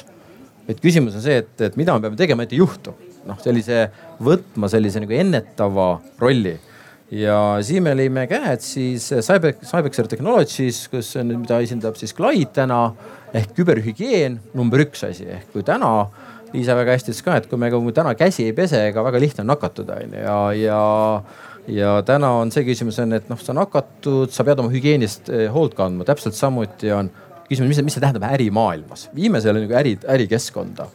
Ja, ja selleks on olemas täna väga geniaalsed lahendused. Eestis on juba vist üle kahesaja tuhande kasutaja kindlasti, kes läbivad nagu küberhügieeni programmi. ehk küsimus on see, et kõige elementaarsemad asjad, et noh, ma leian mälupulga onju, kas ma võtan üles, mis ma sellega teen onju. ma küsin juhu pärast oma üheteistaastase tütre käest, et kui sa leiad koolist mälupulga, mis sa teed sellega? ta ütles, et ma annan õpetaja kätte, õpetaja arvutist võib vaadata onju, et oma arvutist ei vaataks. ma ütlesin, tubli, midagi on kodus külge jäänud onju aga noh, kui sa neid asju räägid inimestele või seesama parool siis inimesed vaatavad otsa, et ei ole võimalik, ongi nii või? ah, saabki kahjustada, et need on niisugused pisiasjad. Me, me nagu eeldame, et me teame kõiki asju, eeldus on vahelt väga tihti meie suurim vaenlane tegelikult onju. me eeldame neid asju ja, ja selleks me otsustasime, et aga no paneme selle ennem kui õpetama hakkame seda ka kogu organisatsioonile, kahesajale inimesele kogu EBS grupis. täpselt samuti, et me peame ise tegelikult selle läbi mängima. ehk me oleme täna teinud äh, läbi kevadel siis kogu selle küberhügieeni äh, vaadates, et noh iga inimene saab vaadata tema riskiprofiili, et noh, kus mul võivad need ohud olla endale, perele, sõprade ringis, noh ja ettevõtetesse, sest kui mul tekib intsident ettevõttega ja see nagu on avalik või, või, või seda saab partnerid teada, mis te arvate, et kõik partnerid tahavad teiega edasi suhelda või? mitte keegi ei taha teist arvet saada, keegi ei taha teile emaili teie käest enam saada. Te küsite, miks nad ei suhtle minuga enam. noh, mul on probleem olnud väga selgelt noh ja, ja teine pool sellest on see, et enne kui me üldse ennast kaitsma hakkame, noh, seesama hügieen oli vajadust. teine küsimus et kuidas me kaitseme kuidas me nii-öelda mängime läbi väga selged nii-öelda võimalikud küberrünnakud ettevõttele ja, ja selleks on teine partner, et, et, et noh, aga see ongi selleks, et me suudaksime natukenegi viia seda teadmist nii-öelda läbi, läbi ütleme, et ettevõtete juhtide, tudengite, spetsialistide, organisatsiooni tagasi ja need, nad tähendab küsivad, kuule, kas me ka nii teeme? noh, et see, see on nagu meie ühiskondlik roll on see et, et, et noh, minge tagasi, küsige, et aidake seda olukorda parandada, mitte see, et kuidas me kaitseme, vaid hakkame investeerima.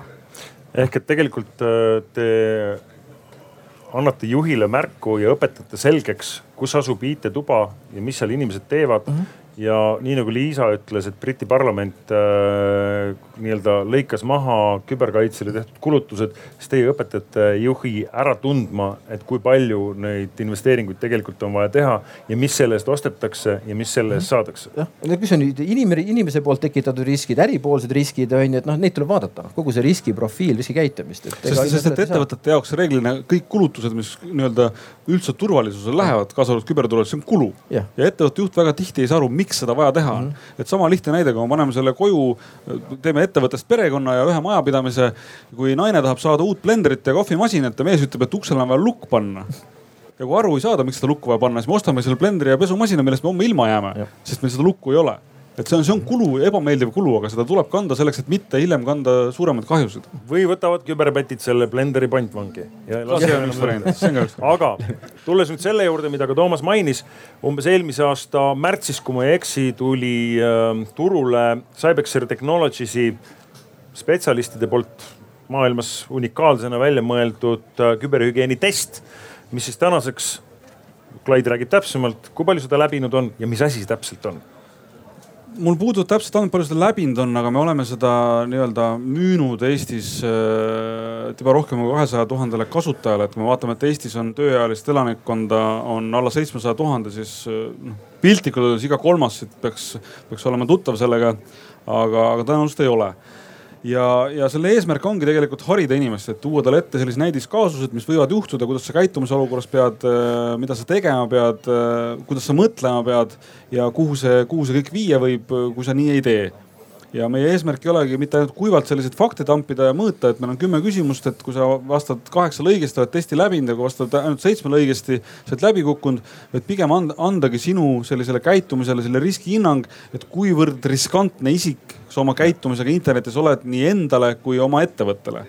ja, ja, ja läbi selle siis äh, proovida muuta inimeste nagu arusaamist ja sellist mindset'i et seal on ohud, te peate sellega arvestama ja, ja pärast seda väga paljud inimesed muudavad vähemal või rohkemal määral oma, oma käitumist äh, siis nii-öelda küber, küberruumis ja see jõuabki lõpuks sinnamaani välja, et ei ole vahet, kas sa oled pereema või ettevõtte juht äh, sa pead tegema need otsused õigesti, et iga kord ei saa osta ainult blendreid ja ilusaid värvilisi pesumasinaid, vahest tuleb ka mõni euro investeerida paremasse ukselukku või, või signalisatsiooni seal kodus.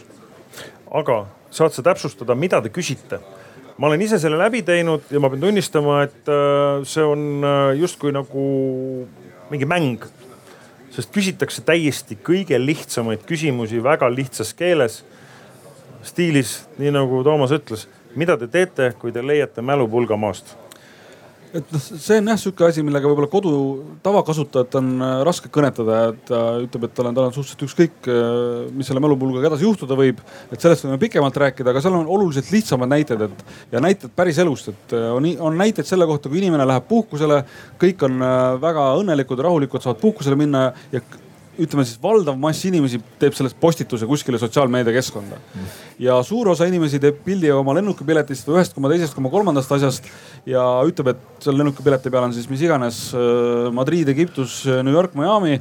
ja et lähen reisile, kõik on chill, olge kadedad, teie tehke tööd, mina puhkan aga mis selle tagajärjel juhtuda võib, kuidas see ahel käima läheb ja, ja kuidas läbi selle sinu ühe postituse on võimalik hiljem sinu käest siis kas andmeid varastada, sinu vara varastada või, või langeda ohvriks, seda enamus inimesed ei tea. see on üks süütu pilt, mis sellega juhtuda võib. ja läbi selliste, selliste näidete ja kaasuste me üritamegi inimese seda mõttemaailma muuta, et kas on vaja igat asja postitada, kas seesama tolmuimeja peab olema internetti ühendatud. üldse, kas sa tead, et sul see tolmuimeja kodus internetti ühendatud, kui sa oled ta lihtsalt karbist välja võtnud ja ainult on-off nuppu vajutanud. et lihtsalt viia inimese teadlikkust kuhugi maani, äh, mille peale väga tihti inimesed ise ei tule. Nüüd, kus aasta aega on möödas selle küberhügieeni testi lansseerimisest, viimased olid perearstid kes äh, hakkavad nüüd tegema. koostöös RIA-ga hakkavad neid äh, teste tegema, sest nii nagu RIA aastaraamat äh, ka esile tõstis, eks ju, on paljud perearstid eelmisel aastal lunavararünnakutest pihta saanud ja, ja nii edasi. aga mis need testid siis esile on toonud, mis see tagasiside näitab, mis need probleem, põhilised probleemid on, mida inimesed oma küberhügieenis valesti teevad? Valdavalt kaks kõige suuremat sihukest ohuvektorit äh, on äh,, isegi kolm ütleks on meilid, selgelt kõige rohkem äh, erinevaid ohtusid tuleb läbi meilide inimestele sisse. ehk et tulevad mingid kummalised kas, attachment'id. kas on, kas on, kas on manused attachment'id või seal on kirjas midagi, mille peale inimene siis kaasa läheb, kedagi aitab tänu sellele, midagi teeb, kuhugi kannab raha ja nii edasi ja nii edasi. ja siis on autentimine, seesama teema, need paroolid et ku, ja see on, see on läbivalt kõige valusam teema, mis kõiki inimesi puudutab, et, et noh, küsin niimoodi, et kellel on kuskil konto kellel on konto rohkem kui viies keskkonnas. tal on meil, tal on Facebook, Twitter, Skype bla,, blablabla, rohkem kui viies keskkonnas. kellel, kellel on igas keskkonnas erinev parool?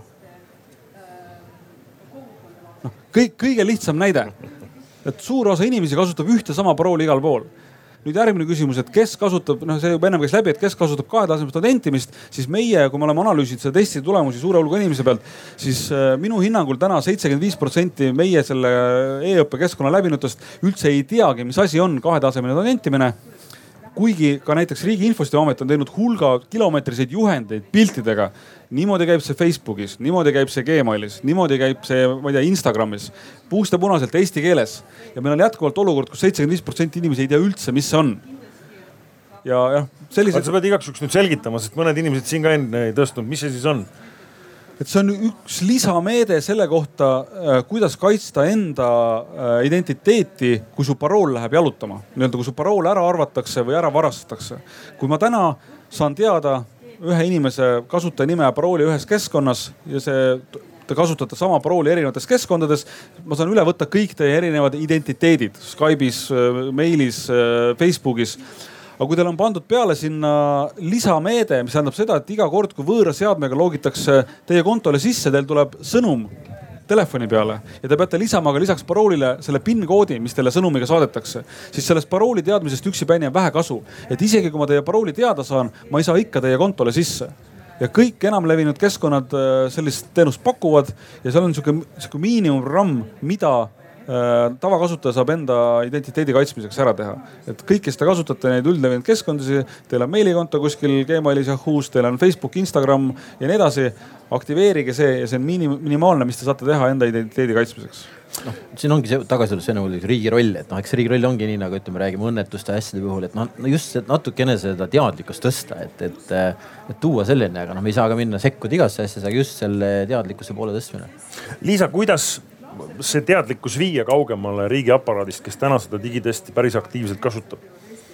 ma tean, et kui ma õigesti nüüd mäletan, ma võin eksida, aga kas see on Riia, kelle abiga on äh, esimese klassi või esimeste klasside päevikute taha tekkinud äh, küberhügieeni äh, põhijoonistused, mida lapsed võiksid teada, kuidas mitte sattuda küberrünnakute ohvriks no eks me kasutame kõiki kanaleid, mis on võimalik kätte saada, et loomulikult. aga ka reaalselt mina olen väga seda meelt, et ei ole, kasutaja peab käituma õigesti, see peab olema kõigepealt tehtud lihtsaks mm. -hmm. ehk et keskkond peab soosima soodsat käitumist. seesama luku analoogia puhul, sa ei saa oma kodu kindlustada, kui su kodu ei käi lukku et see on see, miks need globaalsed suured tehnoloogiaettevõtted on suhteliselt edukad, sest nad soosivad turvalist käitumist. see on see, miks iga kord, kui ma olen avalikult teada andnud, et ma vahetan töökohta esmaspäeva hommikul kell neli, raudse järjekindlusega saan ma äh, Google'i two-step siis kaheastmelise autentimise SMS-i, sest millegipärast kell neli esmaspäeva hommikul üritatakse mu siis eraviisilist äh, meilikontot üle võtta iga kord, kui ma tahan teada, et ma töökohta vahetan. aga ei saada sellepärast, et neil ei ole seda koodi, mis tuleb sinu SMS-i. jah, ja ma ärkan selle SMS-i peale noh, esmaspäeva hommikul kell neli üles, mis ei ole võib-olla ka optimaalne et reaalselt see, mida saab teha, mida on mõistlik teha, on soodustada esiteks äh, mõistlikku käitumist läbi selle, et süsteemid on turvaliselt disainitud. süsteemid ei lase ebaturvaliselt käituda ja siis teiseks juhendada seda sobivat käitumist. et mina selles, et me kõik Eesti inimesed koolitame turvainsenerideks, olen suhteliselt äh, pessimistlik. kuigi see lahendaks selle innovatsiooniindeksis kõrgel kohal asumise probleemi see lahendaks ka kõikide Eesti IT-ettevõtete värbamisprobleemi. suurepärane jah. aga et see võib-olla on veidi nüri instrument selleks, et inimeste käitumist muuta selleks, et käitumist muuta, tuleb juhendada käitumist. aga no... kui on gripihooaeg, mis ei lõppegi ära, siis tuleb õpetada inimesed käsi pesema ja, kogu ja, aeg, sest ja. ainult sellisel moel saavad ja. nad uh, seda grippi vältida. kas täna oskavad, mis teie arvate, kui te nüüd kogu seda juttu kuulete, kas Eesti inimesed oskavad gripihooajal piisavalt hästi käsi pesta? no vot no no see on ka eh, siiski sektori spetsiifiline, minnes jälle nagu siis nende viiruste ja, ja muude nagu füüsiliste pahalaste juurde tagasi, et oluline on, et käsi peseksid inimesed, kes töötavad restoranis noa ja kes tarnivad kaupu restorani noa. Klaar, aga mõte on ju selles, et äh, ma võin osta ükskõik kui kange masina endale aga kui ma sellesama masinaga ähm, nii-öelda samas masinas kasutan neid samu password'e, millega ma käin oma meilikontol, äh, mis on kaitsmata, kuhu keegi on sisse häkkinud, siis sisuliselt see viie miljoni dollariline suur plastikumasin on homme kasutu tööriist ja terve ettevõte seisab, eks. siis oled John Podesta just täpselt sellisel viisil ju juhtuski kogu Hillary Clintoni kampaania siis äh, nii-öelda kampaania häkkimine, küberrünne. John Podesta, kes oli kampaania esimees, äh, sai suhteliselt hästi disainitud ja hästi sihitud õngitsuskampaania kirja ähm, väidetavalt hiljem et, et ütlesid tema IT-mehed, et küsimusele, et kas see on legitiimne, nad vastasid, ajasid sõnad legitiimne ja mittelegitiimne sassi. noh, ikka juhtub potato, potato aga tänu sellele, et saadi teada John Podesta Gmaili password, mis, kui ma ei eksi, oli runner kolm, neli, viis, kuus. siis selgus, et ka tema ametialase emaili password oli ka runner kolm, neli, viis, kuus. ja pärast seda tõestatult vähemalt kaheksa kuud ründaja kuulas pealt ja salvestas maha siis ühe presidendikandidaadi kampaania esimehe kogu elektroonilist suhtlust enne seda, kui üldse saadi teada, et see oli kompromiteeritud kuskile see... ei peagi sisse mukkima mm., lihtsalt rumalus ja lohakus on see, millega ja. sa ise annad kurjategijatele tööriistad kätte. põhimõtteliselt küll jah. nii, nüüd on kord teie käes. kas teil on küsimusi? palun, mikrofon tuleb kohe, üks hetk.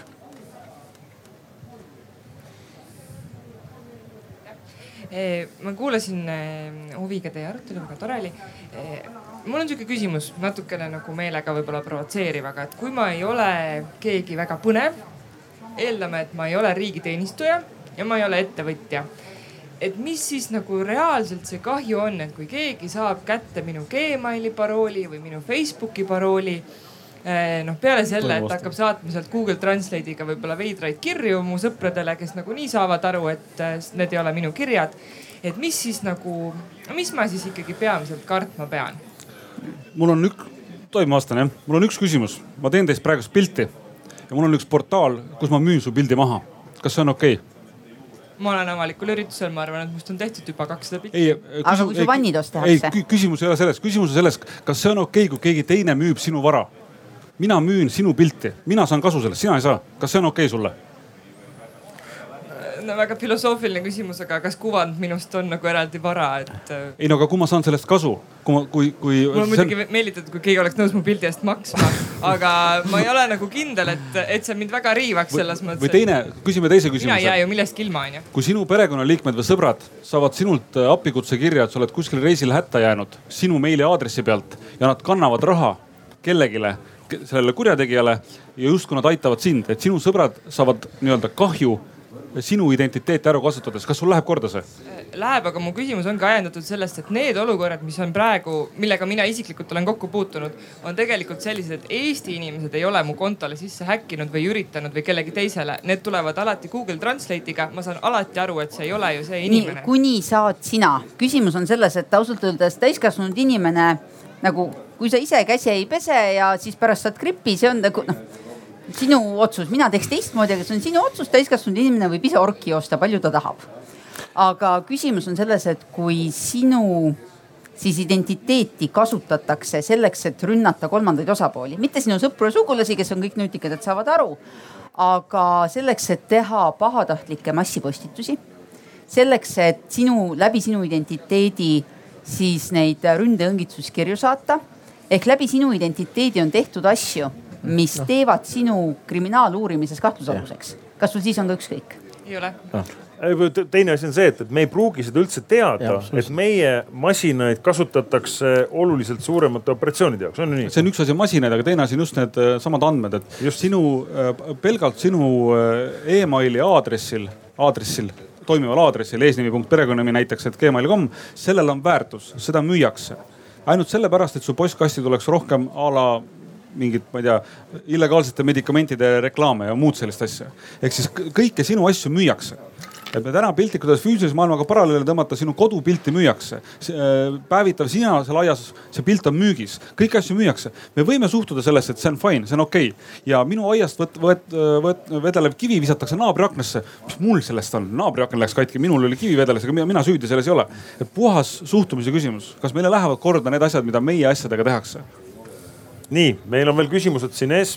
jah, ma küsiksin, aga ma küsiksin teiselt poolt, et kas, kui palju siin on inimesi, kes on mingi küberintsidendiga pihta saanud? kas? käsi pihta no,. kes teavad, kes on saanud. kes teavad. kes on teadlikult, kes teavad, et neid on tabanud küberrünnak. väga palju ei ole, aga mõned siiski. et ähm, tegelikult siin käis ka läbi siin võrdlus nagu toitlustusega onju, et ähm, meil on siin ümberringi väga palju noh toidumüügikohti, kus hoolitsetakse meie eest, et meie, meiega ei juhtuks mitte midagi nagu gripi puhul, et, et me peame noh. gripi puhul on teistmoodi, me peame ise käsi pesema, et, et mitte pihta saada.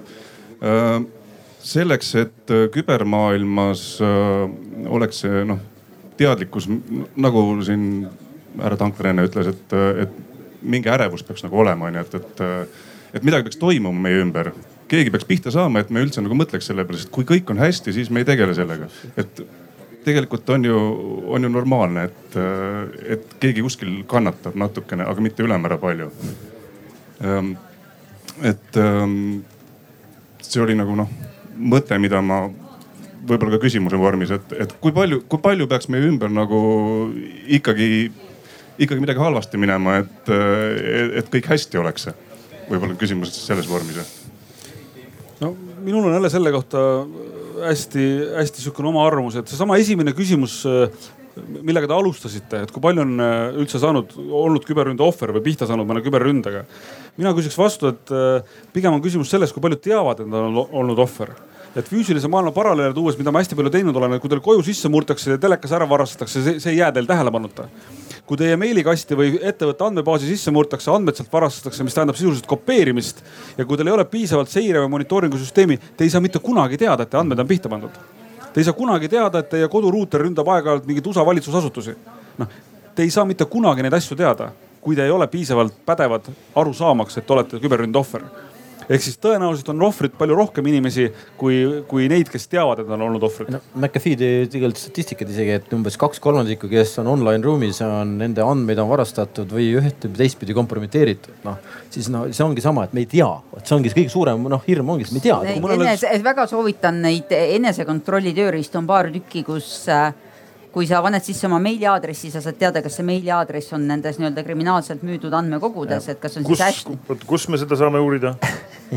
Have I been punkт .com like et, äh, et noh, et neid suuri, kus ei ole kasutaja süü tegelikult, aga noh kas mõnelt online teenusepakkujalt, äh, kohtingusaidid on väga populaarsed selles suhtes olnud sihtmärgid et kas on selle inimese andmeid, meiliaadressi, kasutajanime ja password'i sellel platvormil, kas seda on müüdud, seda saab äh, kontrollida.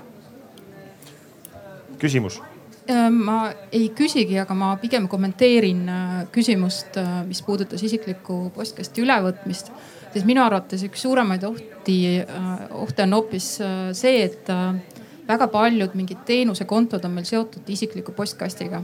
Ma saan selle postkasti kaudu värskendada paroole, põhimõtteliselt võtta väga palju teenuseid üle, kus ei ole sedasama kahetasemelist autentimist olemas ja enne kui ma siit ära lippan, siis äh, väga põnev oli kuulata, aga üks asi, mida minu arvates Riigi Infosüsteemi Amet võiks, äh, äh, võiks rohkem julgustada või, või noh, see on küberhügieeni mõttes minu arust väga oluline. et kallid kodanikud, kui te lähete kas mõnele riigi teenust kasutama või erasektori teenust kasutama, kui seal on võimalik autentida ennast ID-kaardiga või mobiil-ID-ga, siis eelistage seda. sest paroolile lisaks on veel midagi, mida kurjategija teilt ära võtta ei saa, et minu arust see oleks nagu väga äge kampaania EBS-i puhul ka seal digitaliseerimise puhul, et rohkem võiks kasutada sedasama, mida meil riik on juba valmis teinud. Absoluutselt, absoluutselt. küsimus kohe kõrvale. Mul on väga praktiline küsimus, kuidas ma saaksin siis äh, kübertargaks, küberhügieeni targaks, kas on mingi, kas on mingi veebisait, mida te soovitate? kus on kõik see informatsioon olemas, kas ma saan seda hügieenitesti ise kuidagi teha ja nii edasi, et nüüd ma tahan saada targaks, aidake mind. kõigepealt Riia kus on infot. Äh, tegelikult kuidas... jah, on selliseid avalikke saite, äh, kus seda infot jagatakse, millega ennast kurssi viia, neid erinevaid hoiatusi, juhendeid mm. on Riigi Infosüsteemi Ameti koduleht on, on, äh, on selline asi, mis võiks, mis, mis võiks olla nagu must be sihukest nädalas või, või kuises korra seda läbi vaadata või ennast, ennast kurssi viia, mis ja. seal on. samamoodi need noh ka Riigi Infosüsteemi Ameti Twitterid, Facebookid, kus neid hoiatusi antakse, et kui sa kogu aeg tead, et täna tuleb päiksetorm, pane aknad kinni, siis sa oskad nagu valmis olla erinevateks asjadeks asjadeks. et äh, kõigepealt on need kanalid on kõige esimesed asjad, et viia ennast kurssi, mis üldse maailmas toimub. ja õppimise kontekstis on äh, natukene raske ühist äh, soovitust anda, kuna tegelikult on Eestis, mis on hästi positiivne, neid erinevaid nii-öelda noh, kuidas ma nüüd heas mõttes ütlen, usukuulutajaid või selliseid äh, jutuvestjaid on omajagu tekkinud, et äh, ma olen näinud, et õnneks on lapsevanemad hästi palju, kes vähegi teemat jagavad, koolides võtavad sõna, äh, teevad loenguid. ettevõtetes on väga tihti need inimesed, kes, kes seda teevad ja, ja siis on olemas loomulikult igasugused tasulised teenused, mida on, mida on, mida on võimalik osta, aga eelkõige tuleb jah, sellest nii-öelda ise huvi tunda ja vaadata seda, mille eest hoiatatakse, mis on need kõige elementaarsemad juhised. minu meelest viimati veel Riigi Infosüsteemi Ametil tuli välja üks eriti korralik mingisugune selline pikem äh, aabits, oli aabits või? abc, küber abc mingisugune asi, kus on, ongi mingi top, ma ei tea, kolm, viis, kümme asja sees, mis on hästi olulised ja need on need asjad, millest alustada. sest valdavalt on ka seal need asjad, mida suur mass inimesi ei tea. ja kui oled seotud ettevõttega, siis on väga selge ettevõte, noh küsimus tagasi ettevõttele, et noh noh, kuidas saaks seda kõike teha ja noh, samas see küberhügieeni test või need, need kõik on täna võimalik teha, noh. täna ütleme täpselt samuti nagu meiegi pakume koostöös Cybexeriga. ja siis ütlete pärast Clyde'ile oma ettevõtte nime ja Clyde korraldab ära. nii, palun küsimus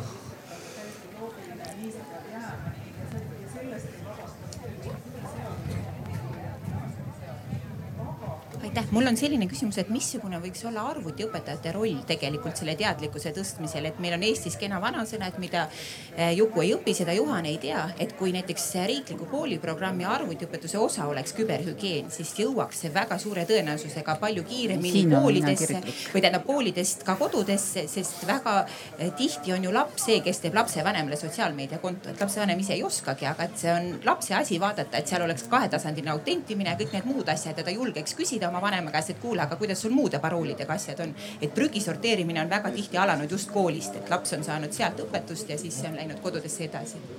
arvutiõppe osas olen mina kohe lähen närvi või kirglikuks, olenevalt kelle käest küsida.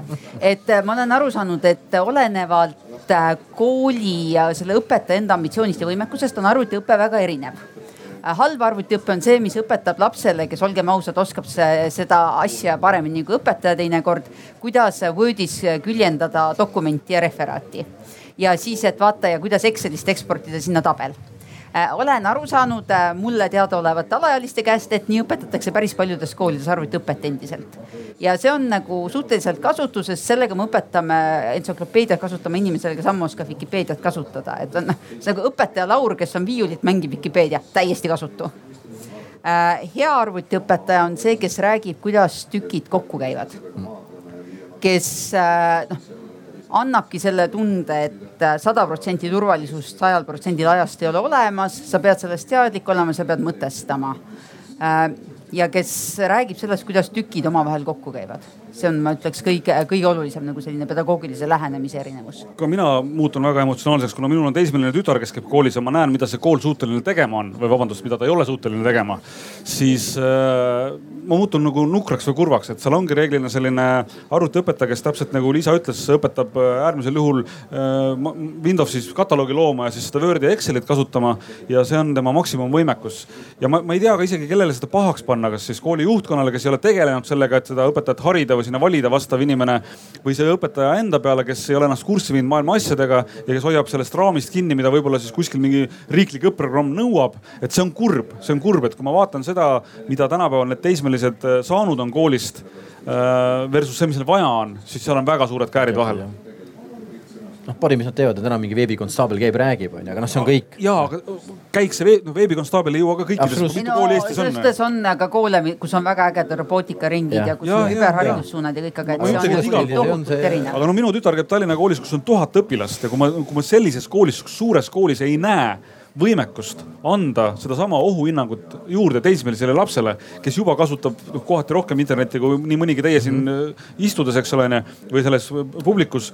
siis see on kurb tegelikult, et mingi hetk on see rong ära läinud, et sa ei hakka nii-öelda muutma tema harjumuskäitumisi, millega ta juba harjunud on. Ehk et me jõuame lõpuks tagasi sinnasamasse, mille pärast EBS aasta aega tagasi käivitas uue magistriõppe programmi Cyber Society, et õpetada perepead ära tundma, et meil on Blenderi asemel vaja osta värav õpe, õpetada klassikalises mõttes arvutiõpetajad ära tundma, et Wordi küljendamise asemel ma peaks tegelikult õpetama hoopis neid ja neid asju. et olla olukorrast teadlik ja viia ka kurssi kogu oma ettevõtte kuni viimase töötajani välja, et käsi tuleb pesta.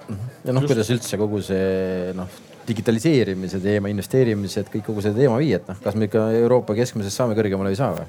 lõpuks on meie selle digitaalse eluviisi, mille me oleme valinud hind, me võime alati valida selle teise eluviisi, kõige turvalisem süsteem on see, mis on stepsist väljas. aga see on mõnevõrra, selle kasuta, kasutamismugavus ei ole päris optimaalne. nii, kas on veel küsimusi?